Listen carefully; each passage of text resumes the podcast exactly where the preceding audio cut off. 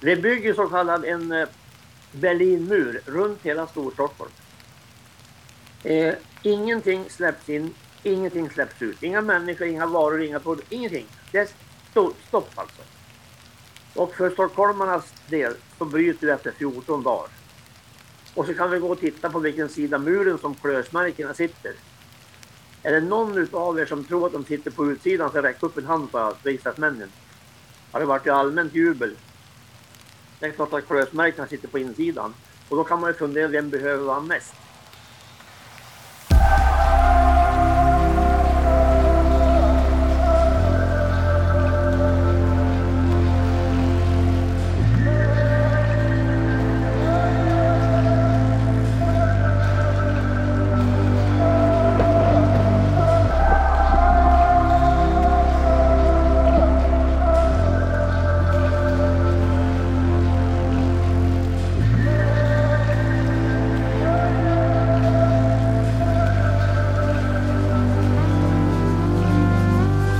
Välkommen till Stad och landpodden. Och idag ska vi prata om eh, frågan om naturresurser som vatten och vindkraft. Vart tar de pengarna vägen och skulle en, mer av de eh, vinsterna kunna gå tillbaka till landsbygden för en, en utveckling, rättvis utveckling i hela landet?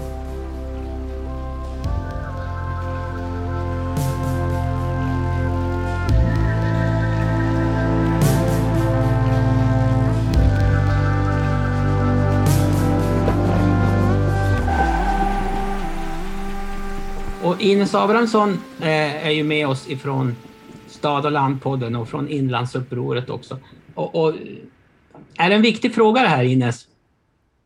Vet du, det här är en, fråga som eh, de eh, 10 000 medlemmarna i Inlandsupproret tycker var den allra viktigaste. Vi hade ju en omröstning av vilka frågor som var viktiga för lands och glesbygd och den här toppa.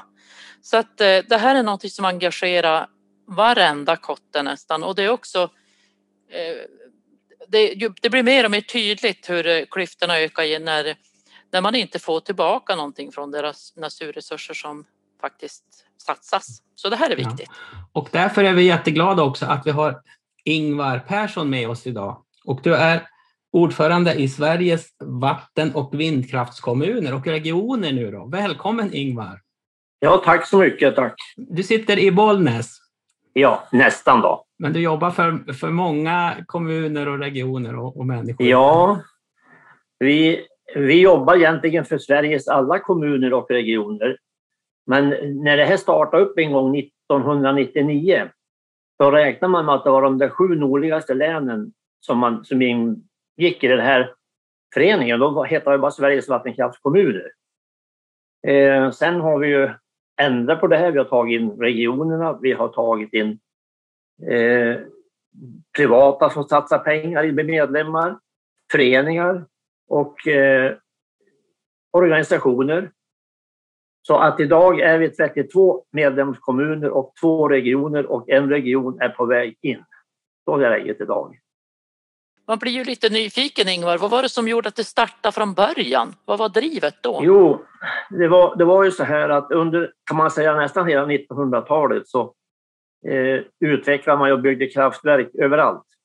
Eh, elenergin var ju fantastisk och eh, den eh, genererade som sagt energi och den skapade mycket jobb under utbyggnaden. Det tog ju jättemånga år att bygga upp det här i landet.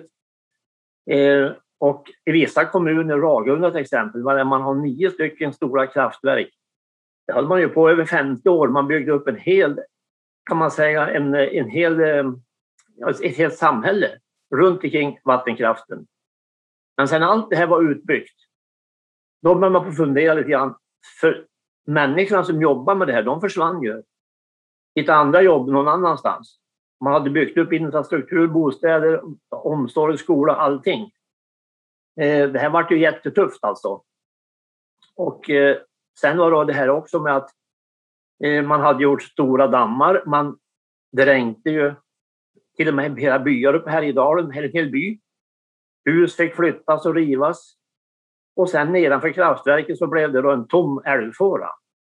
Det här var liksom inte saker som man hade tänkt med från början. Det var därför föreningen då bildades för att försöka i efterhand se till att pengarna som genereras från energiproduktionen och vattenkraften skulle stanna kvar i kommunerna och regionerna. Det var så det började. Eh, jag kommer ihåg redan när jag bodde i Norrbotten redan på 70-talet så diskuterade man ju det här, det fanns i debatten. Men har, har frågan kommit längre sedan dess, Ingvar? Ja, om vi säger så här, alltså, vi jobbar ju hårt för det här nu. Eh, och medvetenheten hos allmänheten och politikerna har ju blivit helt annorlunda idag än vad det var då. För då var det ingen som tog, någon hänsyn till det här. Jag kom in i styrelsen, jag tror att det var 20 eller 2009, jag blev ordförande 2013. Sen har jag varit på riksdagshuset varje höst, utom i fjol då det var pandemin här. Bjuder in riksdagsmän och förklarar för dem hur, det här, hur det, systemet är uppbyggt och hur mycket pengar som går, vi, ja, går förbi oss, så att säga. Och, och, det här är någonting, många av riksdagsmännen kände inte till hur det fungerar egentligen. Men intresset har ökat hela tiden nu. Och det är mycket lättare att komma ut i media idag än vad det var då när jag började. Så att på det viset har det ju hänt någonting. Sen vill vi naturligtvis nå längre. Mm. Kan du ge någon, någon siffra, Ingvar, på, på just det här med hur mycket resurser som, som skapas i, i vatten och vindkraft? Ja, eh, det här... När, när, när man börjar med det här så siktar man in sig på, jag tror ett öre per kilowatten. Idag producerar ju vattenkraften ungefär 70 terawatt. Det blir, det blir alltså inte mycket pengar, det blir 700 miljoner. Och det, i det här sammanhanget så är det små, små pengar egentligen. Eh, när jag började då, så började jag titta på en annan sak och det var fastighetsskatten. Alla kraftverk har ju då ett taxeringsvärde. Och det samlade taxeringsvärdet idag på vattenkraften ligger på ungefär 200 miljarder. Och då var faktiskt procenten 2,8 alltså som gick till varje år till staten i form av fastighetsskatt. Det vill säga 5,6 miljarder kronor gick kan man säga på fel ställe för det är ju där, där värdena uppstår. Det är där man ska ge, lämna tillbaka lite pengar och inte samla allting till Stockholm. Och vi får stå där med lång näsa bara och konstatera att skogsmark, åkermark, fisket har förändrats, rennäringen har haft det jobbigt med alla dammar och så vidare, fick ingenting. Eller nu sa jag lite fel, det vi fick faktiskt så kallade bygdemedel. Eh, och det rör sig om ungefär 125 miljoner per år i hela Sverige. Så men det är liksom inte, det är inte ens snuspengar. Men alltså det här är ju också en stor del som ingår i debatten där man pratar om hur, det, hur Norge gör istället. Precis. Och, och när, Norge de säger ju att eh, till exempel vattenkraften är en nationell resurs men med stor lokal förankring, eller jag kan inte exakt eh, ordalydelsen, men det innebär ju alltså att Visst, det är en nationell resurs, men eftersom den har en stark till, lokal tillhörighet så måste man ge ersättning för den exploatering som sker. Och den diskussion har vi ju nästan aldrig kunnat få till i Sverige, för då har man ju tyckt att det har varit gnälligt. Och, ja, och jag tänker att det här är ju att man ändrar fastighetsskatten också. Det gjorde ju att de pengar som kom in från den som förut gick till kommunen om jag förstått rätt. Nu får den också till staten så att ja. egentligen blev ingenting kvar. Det blev en tummetott kvar från början och nu ingenting av det heller. Det kan man nästan säga. Och du, du nämnde Norge. Det kan man väl säga ur glesbygdssynpunkt så är det ju ett föregångsland. Eh, Norges befolkning är ungefär hälften så stor som Sverige. Men värdena kring den här med energin och vattenkraften framför allt, det går tillbaks till kommunerna. Så de ligger med ungefär 6 miljarder per år. som går ut i glesbygden. Så där lever de här små kommunerna jättegott. De har allt som de behöver ha. Det är, de har tillväxt och de har, ja, de har precis allt de behöver ha. Och vi har ju i stort sett ingenting. Och du kan titta på när man åker eh, genom, om vi tar Värmland eller Dalarna eller vad man vill, Jämtland. Man kommer närmare norska gränsen, alltså land, Sverige, det är igenväxt alltså. Allting, ödegårdar. Och så passerar du en gräns. Och där är blomstrar i landsbygden. Det är fina hus och gårdar, det är bönder som odlar långt uppe i fjällvärlden och allt är frid och fröjd. Det är ju helt fantastiskt alltså. Och det önskar vi att vi kunde få i Sverige också, ungefär samma utveckling på landsbygden. Men de har ju ett annat tänk i Norge. Ja. Och jag, jag inbillar mig att det har att göra med att man har varit i krig. De inser att man måste ha befolkning i hela landet och att det finns en säkerhetsaspekt också på det. Eh, nu är ju urbaniseringen sker ju även i Norge, men det är ju en alltså om man skulle prata om skillnad mellan svensk regionalpolitik så kanske ja, 40 miljarder eh, lägger Norge till regionalpolitiken och Sverige de har svårt att få lys två. De gör inte det. De pratar om det men det, det blir inte. Det är helt rätt. Så att, eh, så att eh, om man pratar pengar så är det ju ingen slump att det är en mer levande landsbygd i, i eh, Norge och faktiskt även i Finland, för där har de ett annat tänk också. Ja, du, näm du nämnde någonting där som är helt rätt och det var krig. Du sa krig. Det är faktiskt bara Sverige i, i den här delen av världen som har klarat sig undan krig i jag tror 250 år. Och vi har blivit bortskämda vi faktiskt. Vi har inte behövt kämpa så mycket som våra grannar gör. Och du vet när efter andra världskriget då när industrin eh, skrek efter material. Sverige hade hela sin industri igång hela tiden och tjänade jättemycket pengar på det här. Eh, och vi var ju då den rikaste eh, landet i de här norr, norr, alltså Norge, Sverige, Finland, Island och Danmark. Idag, då har vi den lägsta BNP av alla. Man kan ju fundera, vad beror det på då? Ja, vi har lutat oss tillbaka och trott att det är bara att säga att det kommer från Sverige, så då, då löser det sig. Men det är inte så. Det gäller att få kämpa och det har både norrmän och finnar fått gjort.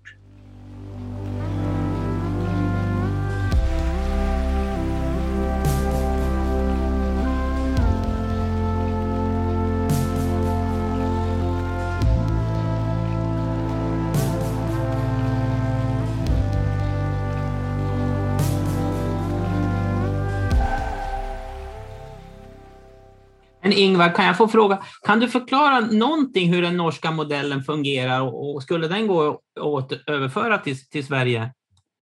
Ja, den är lite komplicerad. Den går absolut att överföra. Den är på fyra, man, det är fyra ben man, man har. Först får man då den här fastighetsskatten som vi jobbar för. Den går ju självklart då till kommunerna och regionerna. Sen har man ett system där kommunen får köpa ström utav företaget, alltså den som producerar energin till en fastställd låg summa. Sen får kommunen sälja den vidare och ta vilket pris man vill.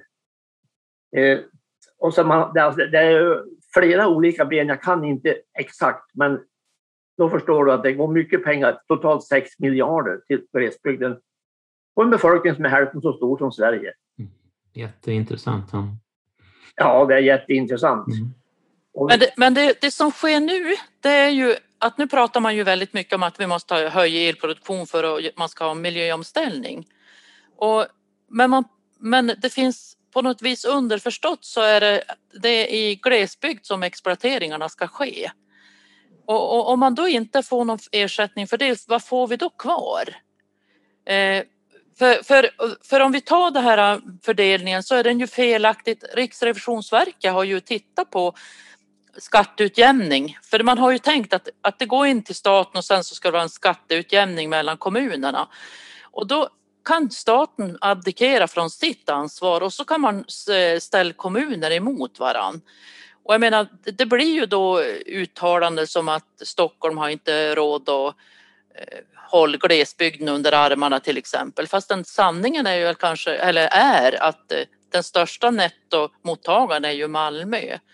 Så att man ställer kommuner emot varann och på något vis så, så tycker jag vi sitter med guldgruvorna, eh, både bildligt och på riktigt, eh, alltså verkligen i klartext. Samtidigt så har vi Svarte Petter på hand hela tiden för att på något vis så, så är det andra värden som, man tror alltid att eh, utveckling sker i städerna, inte att det sker ute i på landsbygden. Och det här är ju en attitydfråga, skulle jag vilja säga. Och det är helt rätt det du säger. Alltså, vi förser storstäderna med allt de behöver. Eh, det är alltså med mat, det är med olika energiformer, det är med, med eh, råvaror i form av skog, malm eh, och så energin som jag sa, vatten och vindkraft. Och sen förser vi dem också med utbildad ungdomsarbetskraft. Och för det får vi ingenting kan man säga. Den med 125 miljoner vi kan söka.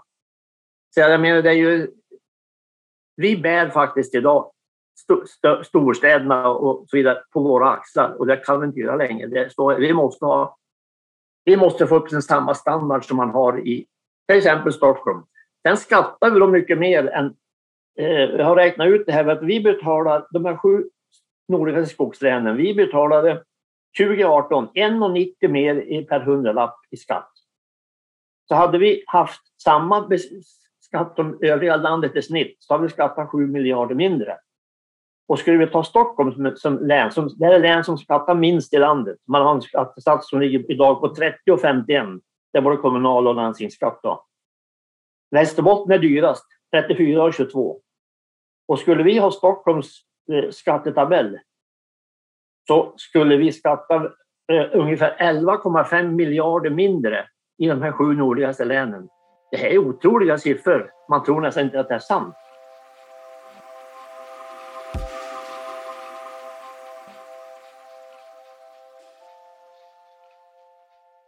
Vad har ni fått för respons hos politiker då, Ingvar, när ni har varit i riksdagen? Jag, vet, jag brukar alltid säga då, första gången jag var nere tror jag vi hade en som lyssnade på oss. När var nere sista gången hade vi 26. Eh, och det är ganska bra, det säger de, för att jag ville ha 349, men det, det är ju utopi det kan man säga.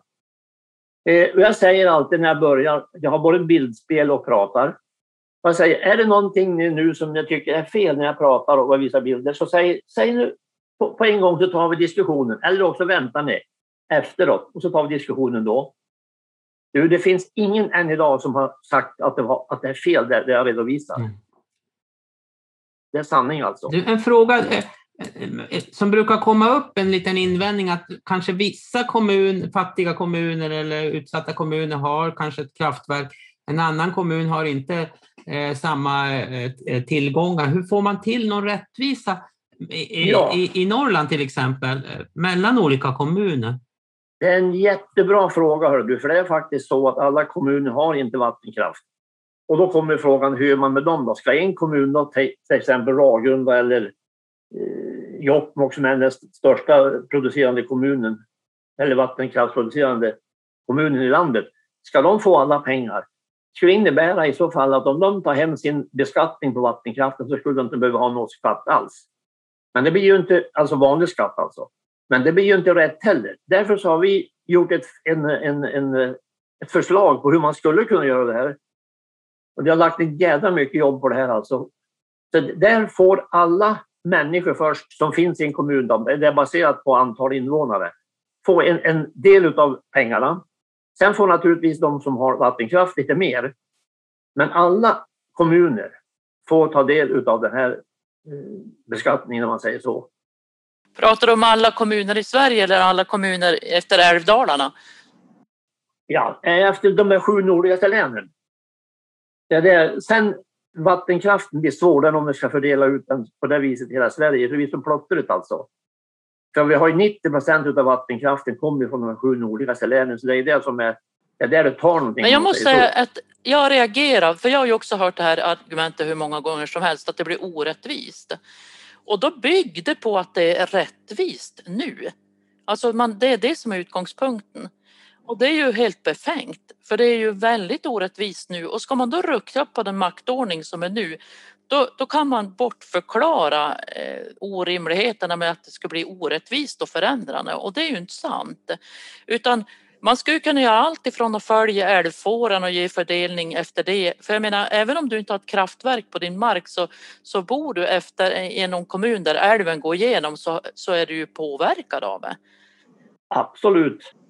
Och jag kan ta ett, exempel, jag kan ta ett exempel hur, hur det har förändrats. Jag menar uppe i Umeå och Norrbotten och överhuvudtaget så hade de ju tjänstefolk på sin tid. De hade avtal att de inte behövde äta lax mer än fyra dagar i veckan.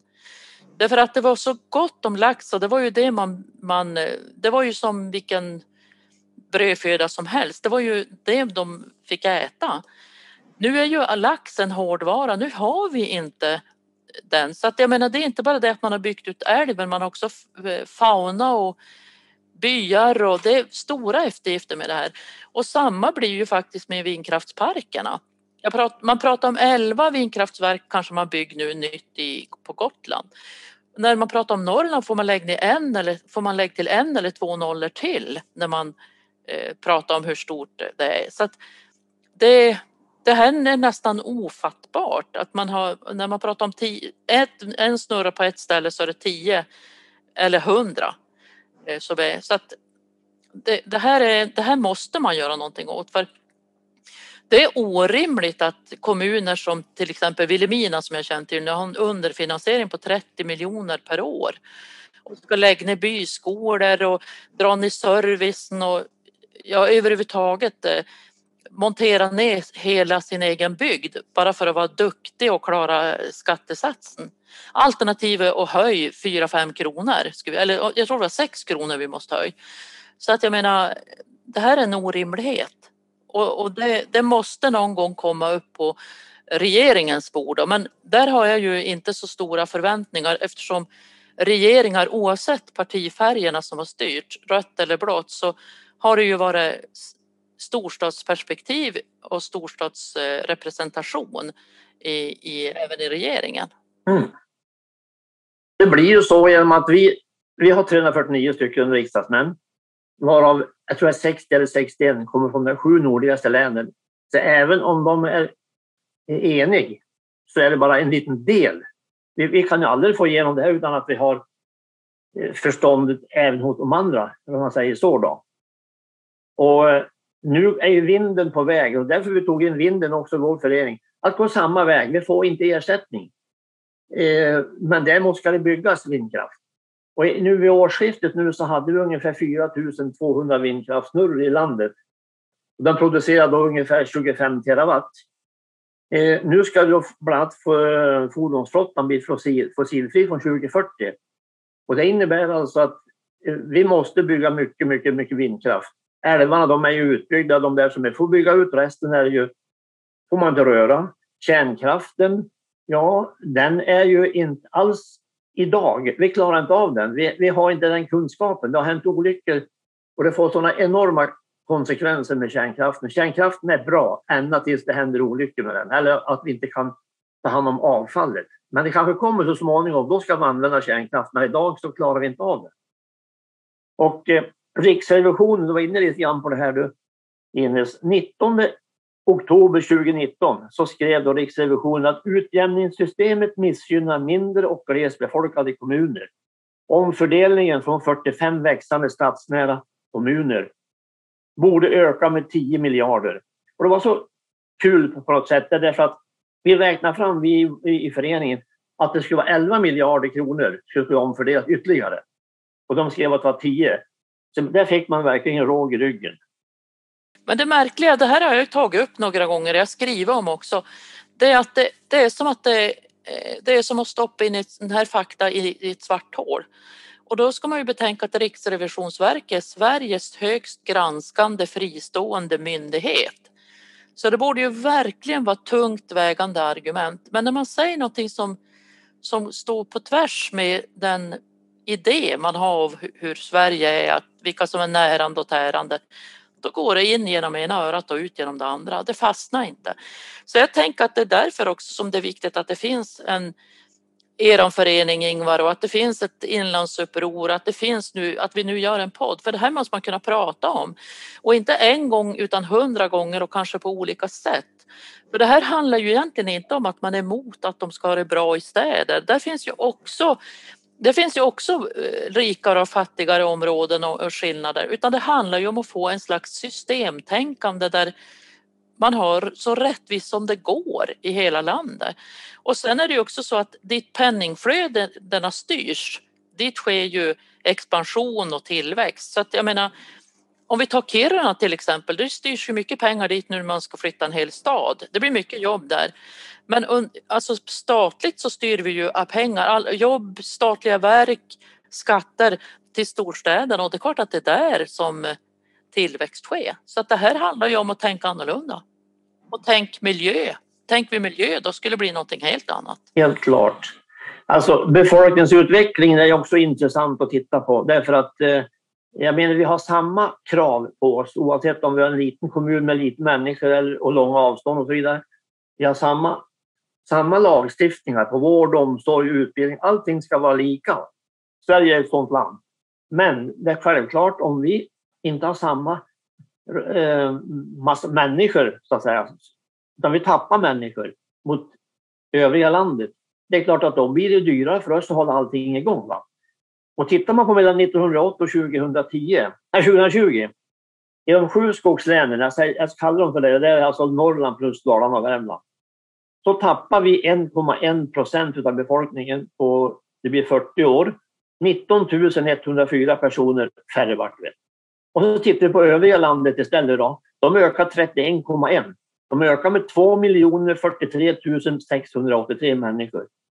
Och det förstår ju var och en. Om har man den utvecklingen på en sida och en annan på den andra sidan, då blir det väldigt tufft för de här som tappar människor att hålla allting igång. Va? Det är, så är det bara.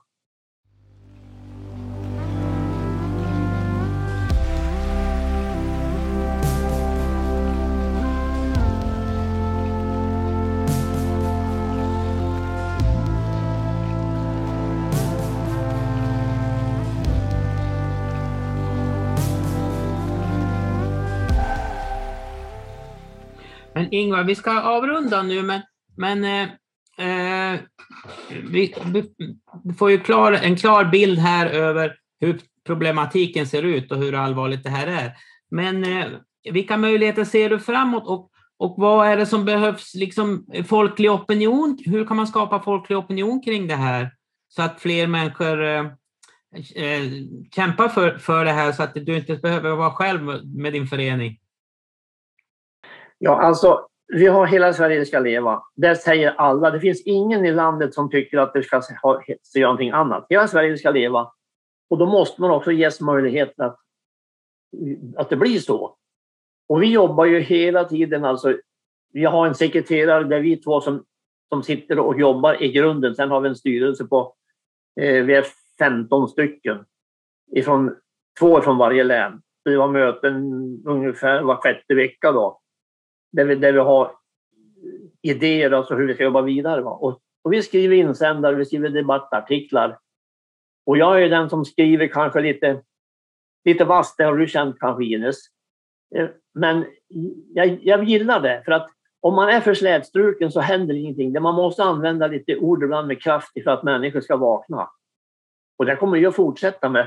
Och jag har sagt i många sammanhang alltså att spottar man på en sten en gång så händer ingenting. Men spottar man på den där stenen varenda dag så blir han så småningom våt. Precis. Och nu, du, kan väl, du berättade om att ni har tagit fram förslag och så. Man kanske kan hitta det på er hemsida. Och sen kan man också Jajamän. till och med bli medlem nu förstår jag. Ja, det stämmer. Och hemsidan det är alltså fsv.nu. FSV. Det kort, en kort Eh, förkortning om man säger så, men ett långt namn. Det måste du kanske ändra på, men FSV räcker bra. Men du, eh, för nu är det kommuner som är medlemmar, men man kan även bli medlem som privatperson. Kan du berätta om det? Ja, regionerna också. Det är ganska nytt. Det var två år sedan vi, vi fattade beslut på en stämma att regionerna får också bli medlemmar. Och den första regionen som gick in som medlem det var Jämtland här i Dalen. Nummer två det var Värmland som gick in för ett år sedan. Nu är Norrbotten på väg in. Eh, jag tror att det här kommer att göra att vi får in alla så småningom. Sen kan då företag, privatpersoner och föreningar också bli medlemmar. Och vi behöver medlemmar i ryggen så vi får mer kraft. För vi är 32 kommuner som medlemmar idag och vi är 84 tror jag i, norr, i de här sju länen. Och jag tycker åtminstone vi borde ha med alla dem. Vad kostar det?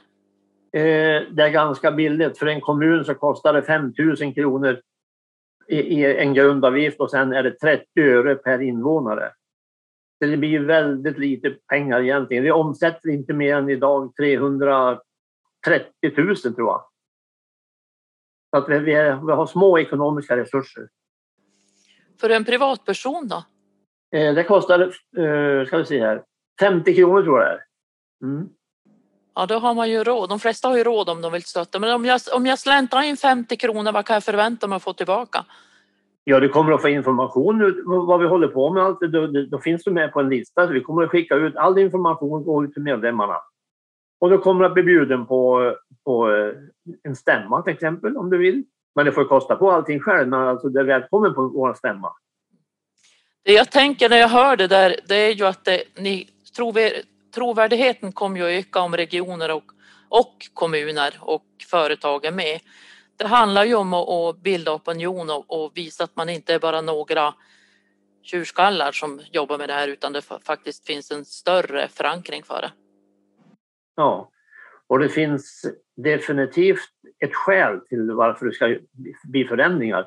För det kan inte vara rimligt att det ska skilja, eh, vi säger mellan Österåker i Stockholm och Dorotea, så skiljer det faktiskt 5 kronor och 97 öre per hundralapp. Det gör alltså en medelinkomsttagare på 300 000. Han skattar drygt 18 000 mer i Dorotea än han i Öster, Österåker. Är det rättvist det? Men du Ingvar, som, som avslutning då. Eh, har ni något speciellt eh, planer för det kommande året inför valet eller så? Eh, ja, vi, vi, har ju det här med att vi, vi, ska vara på riksdagen igen då i november. Det är ju, vi var inte där i fjol för att på grund av pandemin, men nu vill vi tillbaks. Och det är nummer ett.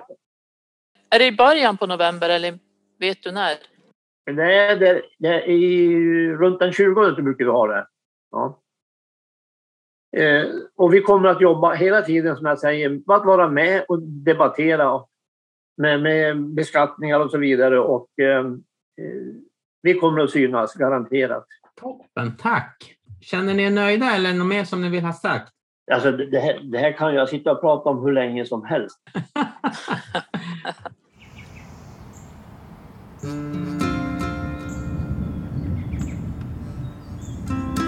Ja, detta var sjätte avsnittet av Stad och landpodden och det är också sista delen i denna omgång. Vi har många fler teman och idéer som vi vill ta upp och hoppas att denna podcast kan fortsätta till höst. Så håll utkik på Stad och landnätverkets hemsida eller Facebook-sida för att få information om nya avsnitt. Där kan du också hitta kontaktadress, så om du har reaktioner eller förslag på nya teman eller personer att intervjua hör av dig. Vi vill också passa på att tipsa om stad och landkursen. Det är en folkhögskolekurs på distans som ordnas av Färnbo folkhögskola och Solnätverket. Kursen börjar i slutet av augusti och fördjupar just de frågorna som vi har behandlat i denna podcast. Har du tur så finns det fortfarande möjlighet att söka till kursen. Med detta vill vi som skapat denna podcast, där Arne Müller, Ines Abrahamsson, Lars Igeland, Kerstin Brandelius och jag, Ellie Sivat, tacka för denna omgång. Också ett stort, stort tack till ABF Västerbotten som har redigerat inspelningarna och hjälpt till med producerandet av den här podcasten. Så tack så mycket och på återhörande.